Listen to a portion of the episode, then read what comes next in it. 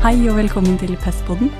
Podkasten for deg som vil bli trope- eller infeksjonsmedisiner i verdens minst tropiske land, eller bare vil lære deg mer infeksjonsmedisin. Jeg heter Jørgen Østensjø. Og jeg heter Ingrid Hoff. Og dagens episode handler om AMR, eller antimikrobiell resistens. Yes. Ja. Og det er et tema som vi nesten har grua oss til å ta opp. Vi har det. Vi har det, ja. fordi det er tungt, vanskelig. Men kjære lyttere, vi skal komme oss gjennom det, for eh, vi er sterke, dere er sterke, Ja. og dette må vi snakke om. ja, vi gjør det sammen. Vi gjør det sammen. Ja. Ja, så, så hold ut.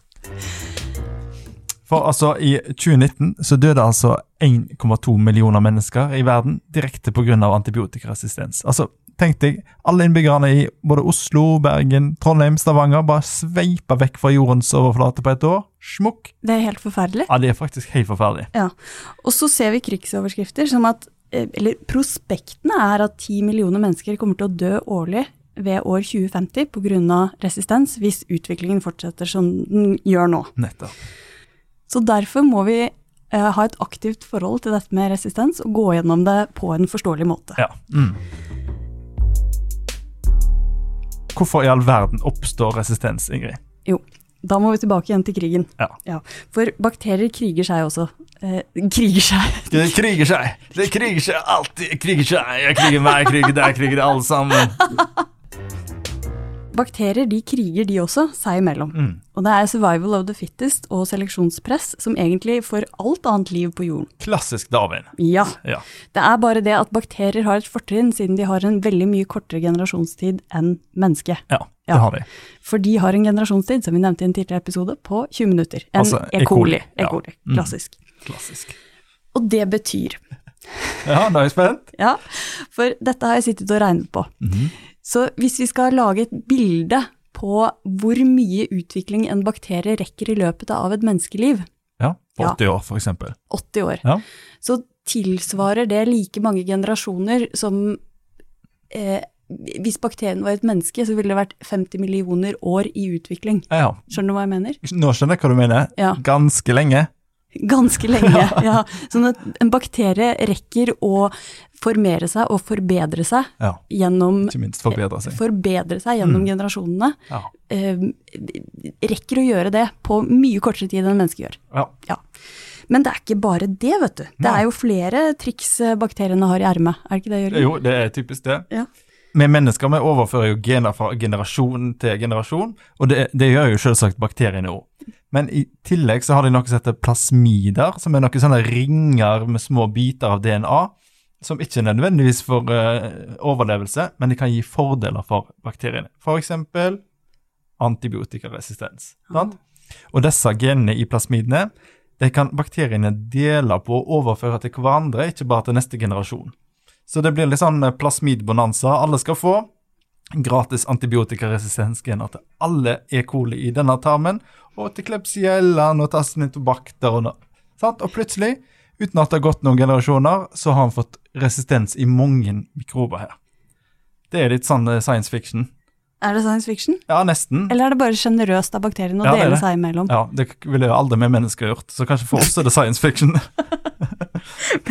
Men altså, dette her, det kalles jo eh, horizontal gene transfer på fint. Ja, altså Når du sier på fint, så mener du på engelsk? Selvfølgelig mener jeg på engelsk.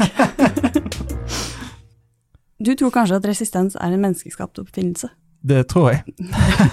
men det er jo ikke det. Nei. For urgamle bakterier de har også hatt resi resistensgener mot antibiotika, selv om antibiotika offisielt ikke fantes i urtiden eller før moderne tid. Nei. Beta-laktamaser har f.eks. eksistert i millioner av år, og gener som kode for vancomycin-resistens har man også klart å finne i gamle nedfryste bakterier. Hva er det du er beta-laktamase av? Beta-laktamaser om? Ja, dårlig vits. Nei, den var god. Men altså, beta-laktamase det er altså enzymer, eller små sånne klippeproteiner, som bakteriene bruker for å klippe opp ulike antibiotika i den store familien av betalaktamer, som f.eks. penicillin tilhører. Ja, Så beta-laktamaser er et viktig våpen for bakteriene i kampen mot antibiotika. Nettopp. Vi må huske på det at antibiotika egentlig er soppens egen forsvarsmekanisme mot bakterier. Ja. Så alt vi mennesker har gjort, er egentlig å oppdage mikrobenes egne stridsmidler mot hverandre, og så bruker vi dem selv til vår egen fordel. ja, det er jo veldig lurt, da. I utgangspunktet, ja. Ja. Um, og de fleste antibiotika vi har, er jo egentlig skapt av naturen selv. Det er veldig få antibiotika som er syntetiske. Ja, det er vel bare sulfonamider og fluorokinolon, egentlig. Ja. Ja. Problemet kommer da når vi lager dette seleksjonspresset ved å bruke masse antibiotika, sånn at vi selekterer fram de resistente stammene, og da blir de dominerende.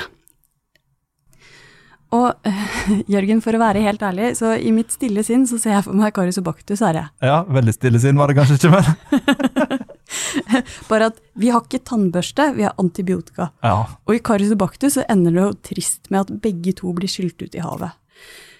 Men i vår historie så kan vi trøste oss med at Baktus biter seg fast, lærer seg hvordan han skal takle utfordringene, og kommer tilbake i en ny og sterkere versjon. ja. Litt optimistisk og litt trist. Du spinner videre på egna. Ja, Da må jo jeg eh, bekjenne mitt stille sinn, da. Og det er at jeg ser for meg antibiotika som ringen i Ringenes herre her. Litt sånn magisk, og så er det jo gøy å kunne bruke dette her og gjøre seg usynlig med i starten, eller bare bruke antibiotika. Og jo mer en bruker den, jo større makt får en over den som bruker den. Og til slutt så skjønner en at en bare må bruke det når det virkelig trengs. Men der stopper jo kanskje likheten, da. Sant? For antibiotikaresistens er kanskje ikke så gøy og episk. With, with great power follows great responsibility. Ja, mm. Men jeg liker veldig godt hvordan vi tolker eh, all litteratur til å egentlig handle om antibiotikaresistens. ja, Jeg tror vi har knekt en kode her.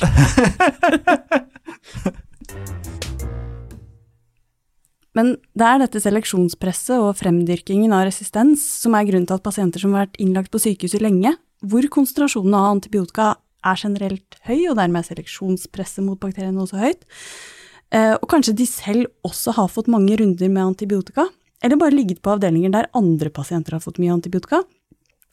Uansett så er endepunktet at man da er mer utsatt for infeksjoner med sykehusflora eller resistente mikrober. ja. Så en ulempe å ligge lenge på sykehus. Ja, det er en ulempe å ligge lenger enn man trenger på sykehus, Ja. får en vel si. Men skal vi rydde litt i begrepet, Jørgen? Ja, For det er mange forkortelser her. Det er MRSA, VRE og ESPL. ESBL. ja vi tar på oss kjeledress og finner fram feiekost her nå. Eller tannbørste. Eller tannbørste, ja.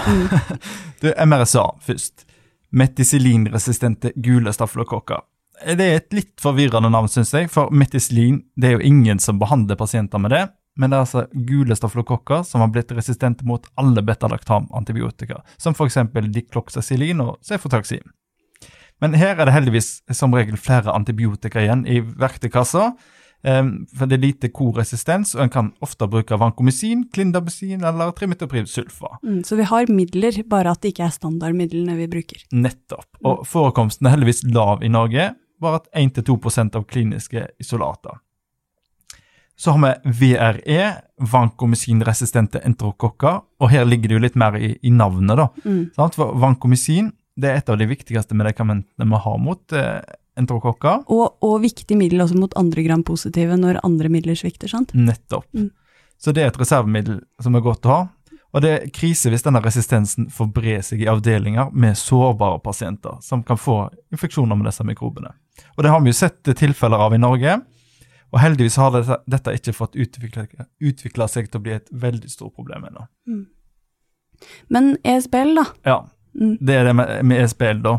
Altså Extended Spectrum Beta-lactamasa. Disse klippeenzymene som ikke bare klipper penicillin, men et stort spekter av beta-lactam-antibiotika. Sant, for det er extended spectrum Beta Lactamasa. Ja. Ja. Så det er ikke sånne smalspektra. Og disse finnes i et utall av varianter, og disse har en skikkelig tendens til å spre seg. Og ikke nok med det, nei da, de drar ofte annen type resistens med seg også. Mm. Sant? Så her er det multiresistens, og ikke bra. Og da begynner det å bli tomt i verktøykassen. 6% av alle E. coli i blodkulturer i Norge i fjor, det hadde ulike ESBL-varianter. Dette er lavest i Europa, og i Sør-Europa så er det mye mer, rundt 20% Og av de som var rapportert inn til Den europeiske smittevernorganisasjonen, så var Bulgaria i verste klassen med 40% 40% betyr at du bare må bruke meronem eh, empirisk da, for å være sikker på det? Ja, det er det som er problemet. Ja. Og e-spill det sprer seg mye mer enn MRSA og VRE har gjort. Mm.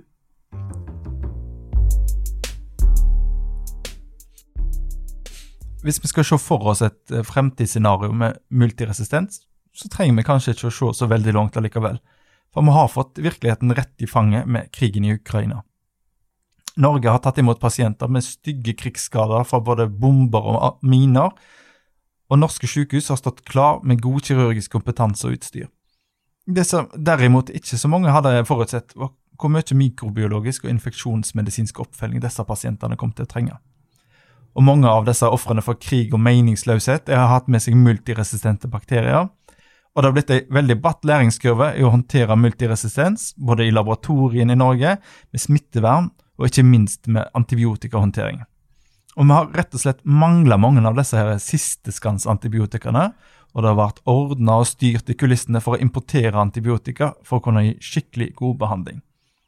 Resistens og antibiotika det handler altså òg om beredskap. Her i Norden så har vi jo vært heldige fram til nå, og det Mm. ser ikke så ille ut. Og som vi snakka om i antibiotika-myter-episoden, så er det mye takket være streng regulering av antibiotikaforskrivning, et godt utbygd helsevesen med god diagnostikk, og ikke minst lite bruk av antibiotika i dyrehold. Ja. Men vi skal jo ikke reise langt eh, sør eller øst for å se helt andre resistensmønstre.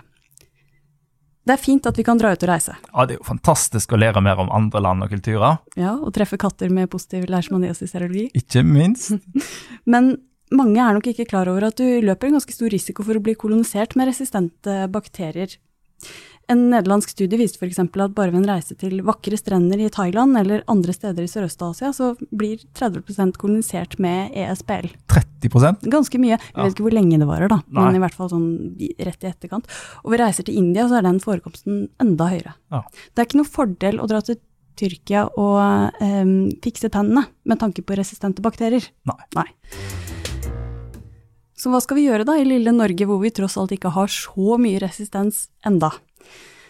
På global basis er det mange tiltak som er nødvendig, for bakterier kjenner ingen landegrenser. Men du som er så internasjonal, Ingrid. Det er altså et begrep som har dukket opp den siste tida, som heter One Health. One Health. Ja. Er det bare et motord, eller hva betyr det egentlig? Nei, Det er i alle fall et eh, initiativ fra WHO, der poenget er at en må gjøre en innsats i mange ulike sektorer, siden menneskehelse, dyrehelse, klima og politikk det henger tett sammen. Alt henger sammen med alt. Alt henger sammen da. Vi kan ikke bare trykke på én knapp eller finne én mirakelmedisin, og så er problemet løst, liksom. Nei. Men dette får vi høre mer om i neste episode, når vi snakker med Adam Roberts. Yes, for det foregår jo veldig mye interessant forskning på nettopp dette. Så fremtiden er kanskje ikke så mørk som den kan se ut ved første øyekast. Nei. Følg med, følg med, og hør på eh, del to, som da er et engelsk intervju. Ja, der Ingrid snakker på fint. Snakker på fint. Vi håper at Tåkeheimen vil lette enda mer i del to. Og at kunnskapshullene skal tettes enda mer i del to. Jeg heter Ingrid Hoff, Og jeg heter Jørgen Østensjø. og du har lyttet til en episode av Pestpodden, en podkast fra Helse Bergen, med støtte fra Norsk forening for infeksjonsmedisin Og samarbeid med Nasjonal kompetansetjeneste for antibiotikabruk i spesialisthelsetjenesten.